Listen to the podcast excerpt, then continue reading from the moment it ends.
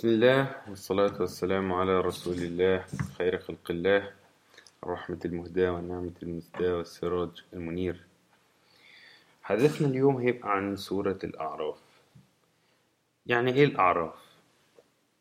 الأعراف ككلمة معناها آه، المكان الذي بين الجنة والنار. فسورة الأعراف بتتكلم عن الموقف أو المشهد اللي في الحتة دي. اللي بين الجنة وبين النار.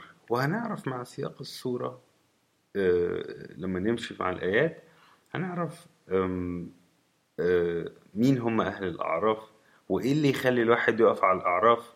ويا ترى إيه غرض السورة تخيل سورة بتحمل اسم الموقف الذي بين الجنة والنار. يا ترى هتبقى عايزة تقول لنا إيه؟ طيب تعالى نمشي شوية شوية كده نبص على الصورة وبعدين نمسك قصتين فيها وأنا بشوف إن القصتين دول بيحكوا عن الهدف بطريقة مباشرة. فمثلا السورة بتبتدي بألف لام ميم صاد كتاب أنزل إليك فلا يكن في صدرك حرج منه لتنذر به وذكرى للمؤمنين. عموما هنيجي نلاقي إنه كل سور القرآن لما تبتدي الأول بيبقى فيها اللي أنا بحسه شوية شبه فكرة الإطار النظري. بتلاقي في آيات في الأول بتأسس للفكرة آم، بنسميها بالإنجلش كده اللي هو laying the foundation. اللي هو اللي أنت مقبل عليه ده خد دي القواعد وهتشوف تطبيقها في اللي جاي. فهي ابتدت بألف لام ميم صاد كتاب أنزل إليك فلا يكن في صدرك حرج منه. يعني ده القرآن نزل علشان تبلغه. ما تتكسفش وما تشيلش الهم وما يبقاش في حرج. لا يكن في صدرك حرج منه. أحيانا وأنت بتنصح حد بتبقى أنت من جوه إيه مش عايز أقول مستتقلها بس هيقعد يقول بقى متدينين ويقعد يقول لي آه بقى أنت بتاع الحلال والحرام و... فبتبقى أنت من جوه في سنة حرج أو تبقى اللي هو هو أنا هفضل كل شوية أقول لهم الصح والغلط؟ هو أنا افضل كل شوية أنصح؟ هو الواحد يعني فأنت بتتحرج أحيانا يعني. وفي ناس بتلاقيها اللي هو يعني بتتحرج يعني شايل الهم مكسوف آه، حاسس إنه الناس هتبص لك نظرة مش كويسة أو إنه هيستثقلوا وجودك وحضورك معاهم. فربنا بيقول لك إن الكتاب ده نزل علشان يبلغ فما يبقاش في صدرك حرج طيب وذكرى للمؤمنين المؤمن هيتذكر بكلامك فما تخافش ما تخافش كلامك هيبقى له موضعي يعني هيروح حتة من اتنين. يا هينصح حد يا هيذكر حد مش ضايع والاتنين في ميزان حسناتك. طب يا ترى الافتتاحية دي كده قبل ما نكمل إيه علاقتها يا ترى بالسورة إيه علاقتها بالموقف بين الجنة والنار بين الصح والغلط؟ طيب تعال نكمل كده هنلاقي إنه ربنا سبحانه وتعالى في السورة آه، تكلم عن نقدر نقول مش عايز أقول قصص الأنبياء ولكن لقطات من قصص الأنبياء. ذكر معانا في السورة دي حوالي قصص لست أنبياء. ودايما الصور كانت بتيجي بطريقة وبتخلص. يعني بتيجي بتبتدي وبتنتهي بنفس الطريقة. يعني مثلا هنلاقي إن الصورة ابتدت بقصة سيدنا آدم. فربنا بيتكلم أهو على الحق والباطل والأعراف دي كأنها زي المكان النيوترال اللي في النص. فأنت واقف في النص الصح على يمينك والغلط على شمالك. ربنا بيتكلم في الصورة دي على ال- الحياد. زي ما نقدر نقول كده أهو يعني إيه، أنت واقف في النص شايف الصح وشايف الغلط وأنت واقف في النص. فالصورة دي نزلت بمشاهد آه، من من حياة الأنبياء. فنلاقي إن الصورة ابتدت بقصة سيدنا آدم. وبعدين مرت بقصة سيدنا نوح ثم قصة سيدنا صالح ثم شعيب ثم سيدنا لوط ثم سيدنا موسى. وقعدنا مع سيدنا موسى بقصص بني إسرائيل شوية في الصورة دي. طيب. تعال مثلا نبتدي نبص على النمط المتكرر اللي قلته في القرآن. هتلاقي مثلا إن هو إيه؟ ربنا سبحانه وتعالى بيبتدي يقول لك مثلا إيه؟ ولقد ارسلنا نوحا إلى قومه. آية 59 وقصة سيدنا نوح. قال اعبدوا الله ما لكم من إله غيره. وبتخلص على فكذبوه فأنجيناه والذين معه في الفلك وأغرقنا الذين كذبوا بآياتنا إنهم كانوا قوما عمين. بعثنا سيدنا نوح قوم كذبوه أغرقناه. الآية اللي بعدها على طول وإلى عادا أخاهم هودا.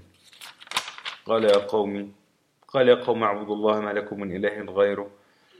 أفلا تتقون؟ نكمل في بقية القصة. هتلاقي إنها بتخلص في آية 72 فأنجيناه والذين معه برحمة منا وقطعنا دابر الذين كذبوا بآياتنا. أرسلناه كذبوا بي عذبناهم. الآية اللي بعدها على طول وإلى ثمود أخاهم صالحا. يا قوم اذكروا الله اعبدوا الله ما لكم من إله غيره. نفس الدعوة من الأنبياء.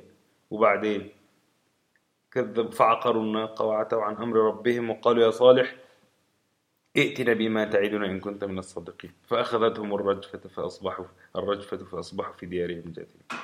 نفس العاقبة. ثلاث قصص متلاحقة ورا بعض. نفس البداية نفس النهاية. القصة الرابعة. ولوطا إذ قال إلى قومها تأتون الفاحشة ما سبقكم بها من أحد من العالمين. نفس العاقبة. وأمطرنا عليهم مطرا. فانظر كيف كان عاقبة المجرمين. لو أنت بتقرأ معايا القرآن أو فاتح المصحف هتلاقي تتابع القصص ورا بعض واحدة بتخلص التانية التالتة اللي بعديها وإلى مدين أخاهم شعيبا قال يا قوم اعبدوا الله بنتكلم في آية 85 والآخر برضه بس فهي سبحان الله هتلاقي إنه طيب يا ترى هو ربنا بعت لنا الموضوع ده ليه؟ يا ترى إيه الحكمة؟ إيه الرابط في القصص دي؟ الرابط واضح دعوة الحق واحدة كل الأنبياء دول إيه اللي حصل فيهم؟ سيدنا نوح قعد يدعو في قومه ألف سنة كذبوه. وإحنا وتكذيب آه، كما ورد في القرآن ما كانش تكذيب عادل الراجل بيتكلم فالناس مش عايزة تسمعه فتحط إيديها في ودانها. طيب شايفاه عمال يدعو وبينصح وقال في بعض الكتب كان بالإشارة عمال يفكرهم بربنا. فكانوا بيغطوا وشوشهم. يعني يبقى ماشي كده يروح مغطي رداءه على وشه مش عايز يشوف أقصى مراحل وأقصى درجات مش عايز أقول الإهانة ولكن الاقصاء الاجتماعي. إحنا مش بس مش عايزين نسمعك إحنا ولا عايزين نشوفك حتى. 950 سنة. ومش بنتكلم هنا عن شاب بنتكلم عن راجل ذو مكانة في قومه. سيدنا صالح سيدنا صالح قومه طلبوا المعجزة. سيدنا صالح قوم قوم ثمود كانوا قاعدين طيب آه، المعجزة بتاعتنا. شايف الصخرة اللي هناك دي؟ تخبطها. طب ما حلو. ويطلع بيتندروا قاعدين بيضحكوا. طب لما تتضرب بيطلع منها جمل. حلو. آه ويضحكوا. طب والجمل ده يبقى حامل. قاعدين بيعلوا على بعض وهو واقف يسمعهم. خلاص؟ خلصتوا؟ شايفين الصخرة اللي هناك؟ اضربوها هيحصل اللي أنتوا عايزينه. حصلت بالظبط زي ما طلبوا وقالوا إيه؟ آه لأ إحنا إحنا اتضحك علينا ده مش حقيقي ده كذب. وسبحان الله دايما هنلاقي إن القاعدة كل النبي بيحذر قومه. من العذاب. وواضح يا جماعة ده أمر ربنا. قل اعبدوا الله والمعصية بتحصل والع... والع... والع... والعقاب والعذاب بيحل بعديها. فربنا عايز يأسس لقاعدة هنا إنه مفيش استثناءات. الموضوع واضح. أنت ادي الأمر هتحيد عنه هتلقى العاقبة. طيب يا ترى إيه اللي بيحصل بعد كده في الصورة؟ أو يعني آه، سياق الصورة بيحصل فيه إيه؟ هتلاقي إن إحنا دخلنا بعد كده على قصة سيدنا موسى. وقعدنا شوية مع قصة سيدنا موسى عمالين بنتكلم فيها عن آه، آه، بني إسرائيل. وهنا بني إسرائيل أنا عايز أوقف على قصتين بالتحديد. أول قصة أنا عايز أقف عليها هي آية مية تلاتة وستين لحد مية خمسة وستين. وهي بتقول وسألهم عن القرية التي كانت حاضرة البحر. إذ يعدون في السبت إذ تأتيهم حيتانهم يوم سبتهم شرعا ويوم لا يسبتون لا تأتيهم كذلك نبلوهم بما كانوا يفسقون. الآية بتحكي عن قوم بني إسرائيل حاضرة البحر يعني على البحر. قرية لبني إسرائيل كانت على البحر. الناس بتصطاد وعايشة على على صيد السمك فالمهم ابتلاءهم كان إن يوم الحد اللي هو يوم أجازة آه آسف يوم السبت اللي هو كان يوم أجازة عند اليهود ممنوعين فيه من العمل تماما كان السمك يطلع على الشط ويشوفوه قدامهم بينما بقية الأيام بيخشوا بالمراكب ويخشوا يجيبوه من جوه. فهنا الناس ابتدوا آه، آه، ينقسموا. في ناس قالوا والله يا جماعة إحنا هنعمل حركة إحنا هنحط الشبك بحيث إنه لما تيجي يجي السمك من السبت يعلق فيه. فالشاهد إنه إحنا ما اصطدناش إحنا ما عملناش أي حاجة إحنا بس حطينا السمك الشبك السمك جه نيجي يوم الحد الصبح نشد الحاجة هوبا مسكناه. يعني زي المصياده كده للسمك فهنا في ناس قالوا لهم يا جماعة لا أنتوا كده بتضحكوا على ربنا. أنتوا أي نعم عاملين أنتوا أي نعم ما اشتغلتوش يوم السبت بس أنتوا ناصبين الشبك. فانتوا كده يعني أنتوا كأنكم أنتوا اصطادتوا سمك بس هو في المية. فحقيقة وعدكم ده بره أنتوا بتضحكوا بيه على نفسكم. أنتوا عارفين إن هو حرام وعارفين إن الحركة دي والنصبة دي حرام. ف... فده منهي عنه. يا جماعة ما ينفعش. المهم الاختلاف بين الشقين دول احتدم. الناس شايفين اللي بيعملوه ده مفيش فيه أي مشاكل خالص والناس شايفين إن أنتوا بتضحكوا على نفسكم. يا جماعة أنتوا كده اصطادتوا السمك خلاص. ف... وده حرام وده منهي عنه. المهم من كتر ما الخلاف احتدم بين المدينة انقسمت نصين قرروا إن هم في بعض الروايات يبنوا سور ما بينهم. وبنوا سور بالفعل. فناحية بيعملوا الحركة دي ينصبوا الشبك والناحية التانية رافضين الموضوع ده تماما. المهم في الناحية اللي رافضة دي انقسمت نصين هي كمان. نص شايف إنه كما وصفه القرآن بيقول إيه؟ وإذ قالت أمة منهم لما تعظون قوما الله مهلكهم أو معذبهم عذابا شديدا. الناحية الكويسة أو الناحية اللي شايفة إن الفعل ده غلط اتقسموا هما كمان نصين. نص شايف إنه لازم ننصحهم. وفي الكتب آه الآثار كان آه, آه، الوصف بتاعهم إن هم كانوا بيطلعوا على الحيطة على السور ده وينصحوهم كل يوم جمعة آه، بالليل اللي هو يا جماعة ما تنصبوش الشبك ده حرام اتقوا الله ما ينفعش. والنص التاني زي ما القرآن قال أنتوا بتنصحوهم ليه؟ ما هم ربنا كده كده معذبه الناس دي على معصية ويعني انت فكرك هو مش عارف إنه غلطان هو عارف انه هو غلطان. وهو إيه هيهلك وسيبك منه وملكش دعوة بيه. فكان دايما لسان حال الناس اللي بتنصح إحنا بنعمل كده قالوا معذرة إلى ربكم ولعلهم يتقون. علشان يوم القيامة نبقى عملنا اللي علينا. واربط دي مع أول آية خالص أول آية تاني آية إحنا اتكلمنا عنها اللي في سورة الأعراف. فلا يكن في صدرك حرج منه. أنا لازم أنصح بيه. قالوا معذرة إلى ربكم. علشان يوم القيامة نبقى عملنا اللي علينا. وحتى قالوا ربكم إن ده مش دورنا إحنا بس ما قالوش إلى ربنا. ده ربنا وربكم. فالدور اللي أنتوا بتلومونا عليه مفروض أنتوا كمان تشتغلوا فيه. مفروض أنتوا كمان تنصحوا. معذرة إلى ربكم. علشان يوم القيامة لما نقف قدام ربنا وربكم اللي هو واحد نبقى إحنا عملنا اللي علينا. فده حتى في إيه؟ تذكرة زي ما إحنا قلنا في أول آية وذكرى للمؤمنين. أنت بتذكرهم بربنا. وتاني حاجة ولعلهم يتقون. فدي حاجة ليكوا أنتوا تفتكروا إنه ليكوا دور. وتاني حاجة علشان الناس اللي الناحية التانية دول يتقوا. ما ممكن حد يسمع. ما ممكن حد يقول لك آه والله يا جماعة الناس دي عندها حق. فالشاهد هنا إنه حتى دعوتك وحتى عملك الصالح وحتى أمرك للناس بالمعروف بلين وبحسن خلق ده بيذكر مش بس العاصي ولكنه أو يعني أو أو يعني دعوة للعاصي أو اللي على معصيه أو على خطأ ولكن في تذكير للمؤمنين اللي حواليك في تثبيت إيمان للمؤمنين اللي حواليك في تقوية للمؤمنين اللي حواليك.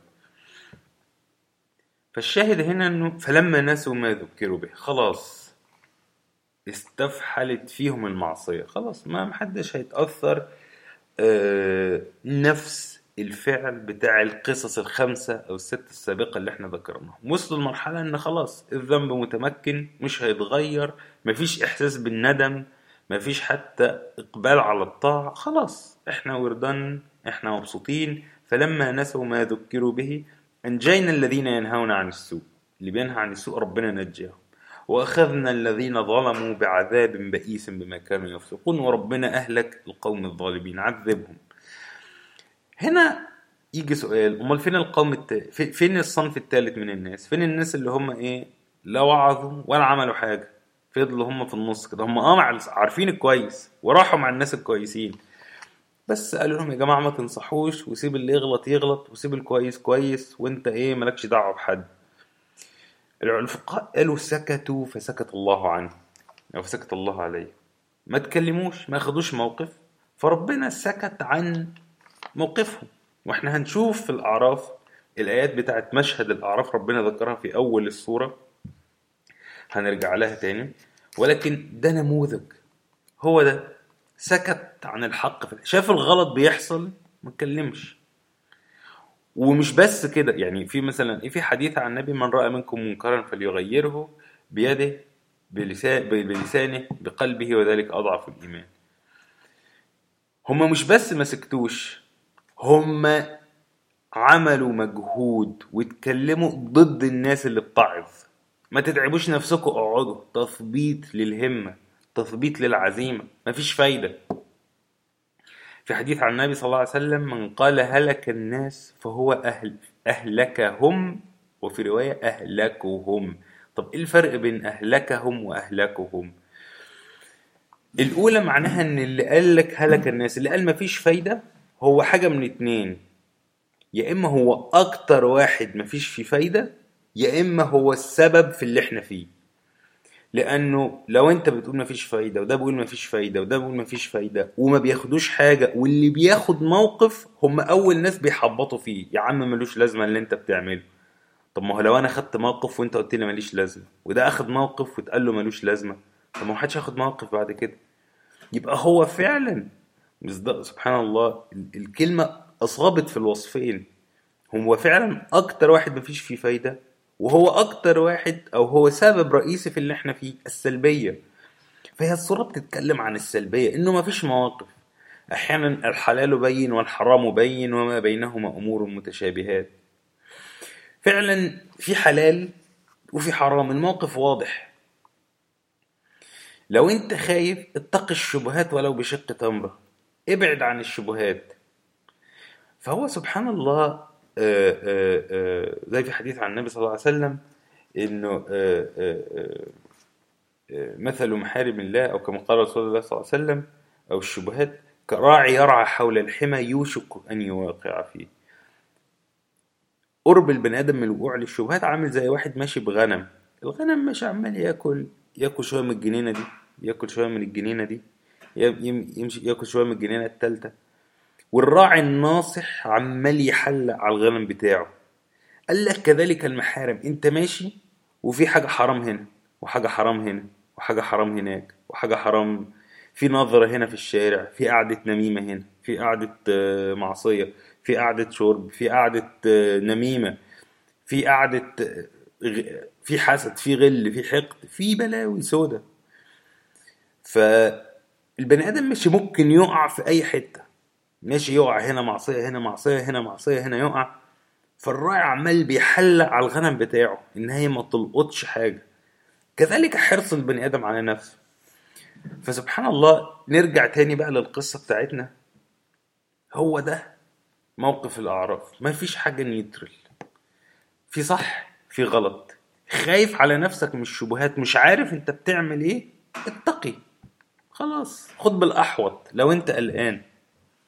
الإثم ما ما حاك في صدرك وخشيت أن يطلع عليه الناس. لو الموضوع التبس عليك لو أنت حسيت من جوه إن في حاجة مش سليمة وخشيت إن الناس تطلع عليك في الموقف ده اعلم إن هو غلط. فنرجع للقصة. الشاهد هنا إنه في ناس حاولت تاخد موقف حاولت تصلح وفي ناس على معصية وفي ناس مع إنها ما عملتش المعصية. إلا إن هي عملت أثر سلبي و... و... واخدت آه، خطوات في إن هي تثبط من همم الناس اللي عايزة تصلح.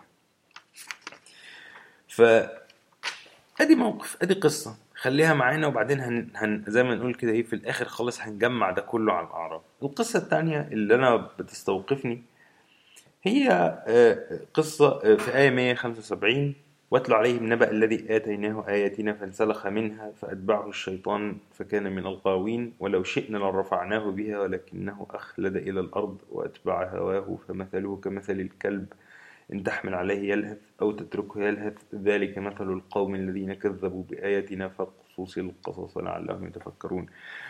القصة دي ورد إن هي جاءت في ذكر بالعام بن باعوراء القصة بمنتهى البساطة إن هو واحد من علماء بني إسرائيل. الراجل ده كان وسط قوم مش مؤمنين بالله. والراجل كان بيدعو فيهم. الراجل كان يعني آه، آه، كان مؤمن آسف بسيدنا موسى عليه السلام. وكان وسط قوم لا يؤمنون بالله. وكان عمال يدعو بيهم ويذكرهم وي... ويعظ فيهم. ولكنه كان بيلاقي سخرية وتقليل شأن و... وإقصاء اجتماعي من قومه. فالراجل من الآخر كده وملوش كرامات الأنبياء ولا له حفظ الأنبياء ولكن هو راجل صالح بيدعو إلى قومه بيعلمهم ولكن يقوبل دايما بالرفض. فالمهم لما بني إسرائيل خرجوا من مصر وكانوا داخلين على بيت المقدس القوم دول خشوا على نفسهم من سيدنا موسى وبني إسرائيل. قال لك الناس دي هتيجي يعلم هيعملوا فينا إيه؟ آه وتخيل في ذهنك كده اللاجئين. تمام؟ الناس دي جاية يا عالم هيعملوا إيه؟ هيدمروا المدينة ولا هياخدوا الخيرات ولا ولا هيأثروا على الهوية الثقافية ودين الآباء والأجداد؟ لا لا لا لا, لا. إحنا مش عايزين كده. طب إحنا عايزين نحل الموضوع ده نروح لمين؟ آه ده في واحد اسمه بلعام بن بعراء زيهم. ده عالم قاعد عندنا ومش معبرينه خالص ولكن هو هيبقى أكتر واحد فاهم السيكولوجية بتاعت بني إسرائيل فاهم دماغهم. ده راجل دارس التوراة و... و... تعالى إحنا عرفنا قيمتك وإحنا هندي لك المكانة اللي تستحقها. بس قول لنا إزاي نتعامل مع بني إسرائيل؟ قول لنا إزاي نتفادى المشكلة اللي هتحصل؟ قول لنا إزاي نصرفهم عنا؟ فبالنسبة لواحد اللحظة دي هي المفروض تبقى اللحظة اللي هو مستنيها طول عمره. ده النبي موسى جاي والقوم جايين ودي أحسن لحظة دعوة. يا جماعة ادوا الناس فرصة وشوفوا هيعملوا إيه وشوفوا صلاح الحال. المهم الراجل قال لهم طيب خلاص أنا هشوف. وفي بعض الكتب إنه دعا على موسى وقوم اللهم أهلك موسى اللهم أهلك بني إسرائيل. قعد يدعو يدعو عليه. ما فيش حاجة بتحصل. نبي. آه، وهو راجل عادي بيدعي على النبي بتاعه متخيلين الفتنة. فالمهم قعد يدعو على بني إسرائيل ما فيش أي حاجة بتحصل. وعلى سيدنا موسى ما فيش أي حاجة بتحصل. فخشي انه الناس يظنوا يعني طبعا مفيش نتيجة فقومه ابتدوا يمارسوا عليه نوع من أنواع الضغط تاني اللي هو إيه اللي أنت بتعمله؟ مفيش حاجة بتحصل. فالكتب روت قوله أما وقد خسرت ديني فلا أخسر دنياي. أنا خلاص ديني راح مش هخسر الدنيا. قال لهم ابعثوا عليهم نساءكم. خلوا النساء تتزين وتتجمل وتطلع تبيع بضائع وسلع. ولو حد من بني إسرائيل راود المرأة عن نفسها تسيب له نفسها. آه، دياثة. فما كان من إلا أن القوم أطاعوه. وده يبين لك مدى سوء القوم دول ومدى تردي الحال. وفعلا كانت فتنة لبني إسرائيل وسقطوا فيها. ولذلك ربنا في موقف تاني لما قال لهم ادخلوا ادخلوا القرية التي كتب الله لكم ربنا قال لهم خشوا. قالوا إيه؟ إن فيها قوم جبارين وإن لن ندخلها ما داموا فيها. يا موسى اذهب أنت وربك فقاتلا. قال له سيدنا موسى اذهب أنت وربك فقاتلا إنها هنا قاعدون. فعلا سقطوا في الفتنة. يعني العلماء ربطوا بين الموقفين. فتخيل من بني إسرائيل الفتنة دي والذنب وقع الإيمان فخلاهم إيه؟ لا إحنا مش هنحارب مش قادرين. الإثم عطلوا عطلهم عن فعل الطاعة. وذلك ربنا ضرب بيه مثل في القرآن إن هو إيه؟ واتل عليهم النبأ الذي آتيناه آياتنا فانسلخ منها فأتبع الشيطان فكان من الغاوين ولو شئنا لرفعناه بها ولكنه أخلد إلى الأرض وأتبع هواه وأتبع هواه فمثله كمثل الكلب. ربنا قال لك الراجل ده مع إنه أوتي من العلم الكثير إلا انه هو علمه ما نفعوش. فالراجل بقى عامل زي عزكم الله الكلب. الكلب ده لما اول واحد قاعد عمال بيلهث وبينهج بيلهث لهاث الكلب. سواء الكلب جري أو فضل قاعد فالكلب ده عمال يلهث. فهو ربنا بيقول لك كذلك الراجل ده سواء اتعلم واتاه علم أو فضل جاهل فهو بيلهث على الدنيا بيجري ورا الدنيا. علمه ما غيرش فيه حاجة ما فرقش معاه حاجة. وكذلك بقى هدف الصورة سوره الأعراف. أهل الأعراف ما كانوش جهل أهل الأعراف ما كانوش مخطئين. أهل الأعراف كانوا عارفين الصح بس ما أخدوش مواقف. وهي هنا وهنا دي المشكلة. بدليل لما نرجع بقى في الأول خالص تعالى بقى نفهم بقى أهل الاعراف هنلاقي إن الآيات بتتكلم آية 46 بتتكلم عن أهل الاعراف ربنا سبحانه وتعالى أورد في ذكرهم بيقول إيه؟ ربنا خلاص. يعني الآية اللي قبليها آية 44 ونادى أصحاب الجنة أصحاب النار أن قد وجدنا ما وعدنا ربنا حقا فهل وجدكم عندكم ربكم حقا؟ أهل النار في النار أهل الجنة في الجنة وأهل الجنة بينادوا أهل النار. إحنا وجدنا ما وعدنا ربنا حقا. يا فلان يا فلان أنا وجدت اللي ربنا وعده لي حقا. لقيت فعلا شفت الجنة اللي تجري من تحتها الأنهار شفت النعيم شفت ال... شفت كل حاجة. آه، آه، آه، هل يا ترى شفت عذاب هل شفت اللي أنا كنت بقول لك عليه موجود ولا لأ؟ هل شفت المقامع من حديد؟ شفت كل ده ولا لأ؟ فاهل النار يقولوا نعم وجدنا ما وعدنا ربنا حقا. اللي أنت كنت بتوصفه صح وصف ربنا كان صح. المشهد بقى يعني زي ما نقول كده إيه بيزوم أوت على إنه حوار أهل الجنة وحوار أهل النار. واللحظة دي مؤلمة جدا إنك تتخيل المشهد إنه أنا وجدت هل يا ترى يا فلان وجدت؟ بينهما حجاب وعلى الأعراف رجال. حجاب زي سور كده لأن أهل الجنة مش هيعذبوا برؤية أهل النار يعذبوا لأن ده لوحده عذاب. وبينهما حجاب وعلى الأعراف رجال يعرفون كلا بسماهم. عارفين الاتنين بأساميهم. عارف فلان الفلاني اللي في النار وعارف فلان الفلاني في الجنة. هو يعرفهم في الاتنين في الدنيا. ونادوا أصحاب الجنة وبينهما حجاب وعلى الأعراف. رجال يعرفون كلا بسيماهم. ونادوا أصحاب الجنة أن سلام عليكم طبتم لم يدخلوهم يطمعون. بيسلموا على أصحاب الجنة. يا فلان أحسنت. يا ريتني كنت سمعت كلام يا ريتني اتبعت نفس الخطى يا ريتني لما قمت لما أنت قمت قمت معاك. يا ريتني لما انت عملت الفعل الفلاني فعلت معاك انت تستحق منزلتك أنا مش طمعان فيها. أنا مقر بالمنزلة اللي انت تستحقها لأن أنا كان قدامي نفس الخيار واخترت أنا واخترت إن أنا ما اعملوش. أنا يعني عارف اللي هو إيه؟ وصل لمرحلة من السلام والقناعة لما انت تبقى طالب وبتحاول في الامتحان أو تبقى انت وصاحبك بتذاكر وهو يقول لك لا أنا هقعد أذاكر وانت تقول له لا مثلا أنا هروح إيه؟ أخرج أو ألعب PlayStation أو أتمشى. ويجي السؤال في الحتة دي انت هيبقى عندك طبعا حسره انك ما ولكن في الأول وفي الآخر كانت في إيدي وأنا ضيعتها ما أقدرش ألوم غير نفسي. غير لما تبقى ذاكرت واجتهدت وفشلت في الآخر أو ما عرفتش تنجح لكن لما تبقى في إيدك وترميها فما لم يدخلوها وهم يطمعون. وإذا صرفت أبصارهم تلقاء أصحاب النار قالوا ربنا لا تجعلنا مع القوم الظالمين. ونادى أصحاب الأعراف رجالا يعرفونهم بسيماهم قالوا ما أغنى عنكم جمعكم وما كنتم تستكبرون. بيشاوروا بقى على أصحاب الجنة ويقولوا أهؤلاء الذين أقسمتم لا ينالهم الله برحمته. هم دول اللي أنتوا قلتوا مش هيخشوا الجنة. لا خوف عليكم ولا أنتم تحزنون. هؤلاء الذين أقسمتم لا ينالهم الله الله برحمته ادخلوا الجنة. لا خوف عليكم ولا أنتم تحزنون.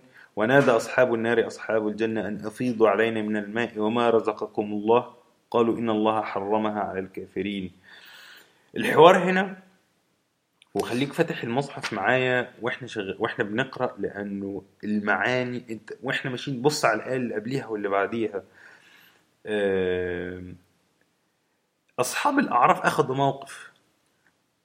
الموقف اللي ما أخدوش في الدنيا أخدوه في الأخير. قالوا هم دول اللي أنتوا كنتوا بتقولوا مش هيخشوا الجنة. هم دول اللي أنتوا كنتوا شايفينهم كذا كذا. هم دول اللي كنتوا بتكذبوهم وبتسخروا منهم. فسبحان الله أخذوا هذا الموقف.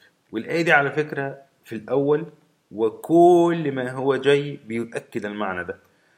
يا جماعة ربنا سبحانه وتعالى بيقر في الصورة دي قاعدة. أدي صح أدي الصح. ما تخجلش منه. ما تطمعش.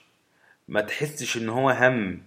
ما تحسش إن هو بقى ضيق صدر وإنه أنت مسؤول قدام الناس. انصح. واعمل المجهود اللي عليك.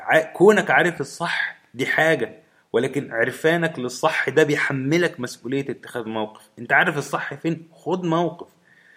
فكرة إن حد بيعمل حاجة قدامك أو بيحاول يصلح أو يغير سيبه. ما تقعدش تثبت فيه ولا تحبط فيه ولا تتريق عليه. سيبه. يعني سيبه يطلع اللي عنده. لو تقدر توجه وتحسن فافعل. يعني إيه؟ من استطاع آه، آه، آه، من كان حديث سيدنا محمد من كان يؤمن بالله واليوم الآخر فليقل خيرا أو ليصمت. يا تقول خير وتعين الراجل. يا تصمت شكرا. آخر آية خالص في السورة وهي دي اللي هنختم بيها علشان وصلنا لحد المسموح من الوقت. إن الذين عند ربك لا يستكبرون عن عبادته ويسبحونه وله يسجدون. سجدة. آية 206 وكأن سبحان الله بص الآية بتقول لك إيه؟ إن الذين عند ربك الناس اللي عند ربنا أهل الجنة لا يستكبرون عن عبادته ويسبحونه وله يسجدون وفي آخر السورة سجدة. أي إنك بسجدتك دي بقيت من الذين عند ربك. بسجدتك دي أنت بقيت أقرب لأهل الجنة منك لأهل الأعراف منك لأهل النار. وكأن آخر الصورة بيحطك على الطريق. لا تستحي من الحق. الحق واضح الحياد أو بلاش نقول الحياد نقول السلبية واضحة والغلط واضح. عارف الحق خد موقف فهي مسؤولية. بس وصلنا للنص ساعة ف... والحمد لله أتمنى إن إحنا نكون عرفنا نوضح معنى الصورة. وختاما اللهم استخدمنا ولا تستبدلنا اللهم انفع بنا اللهم يسرنا لما تحب وترضى وآخر دعوانا إن الحمد لله رب العالمين. والسلام عليكم ورحمة الله وبركاته.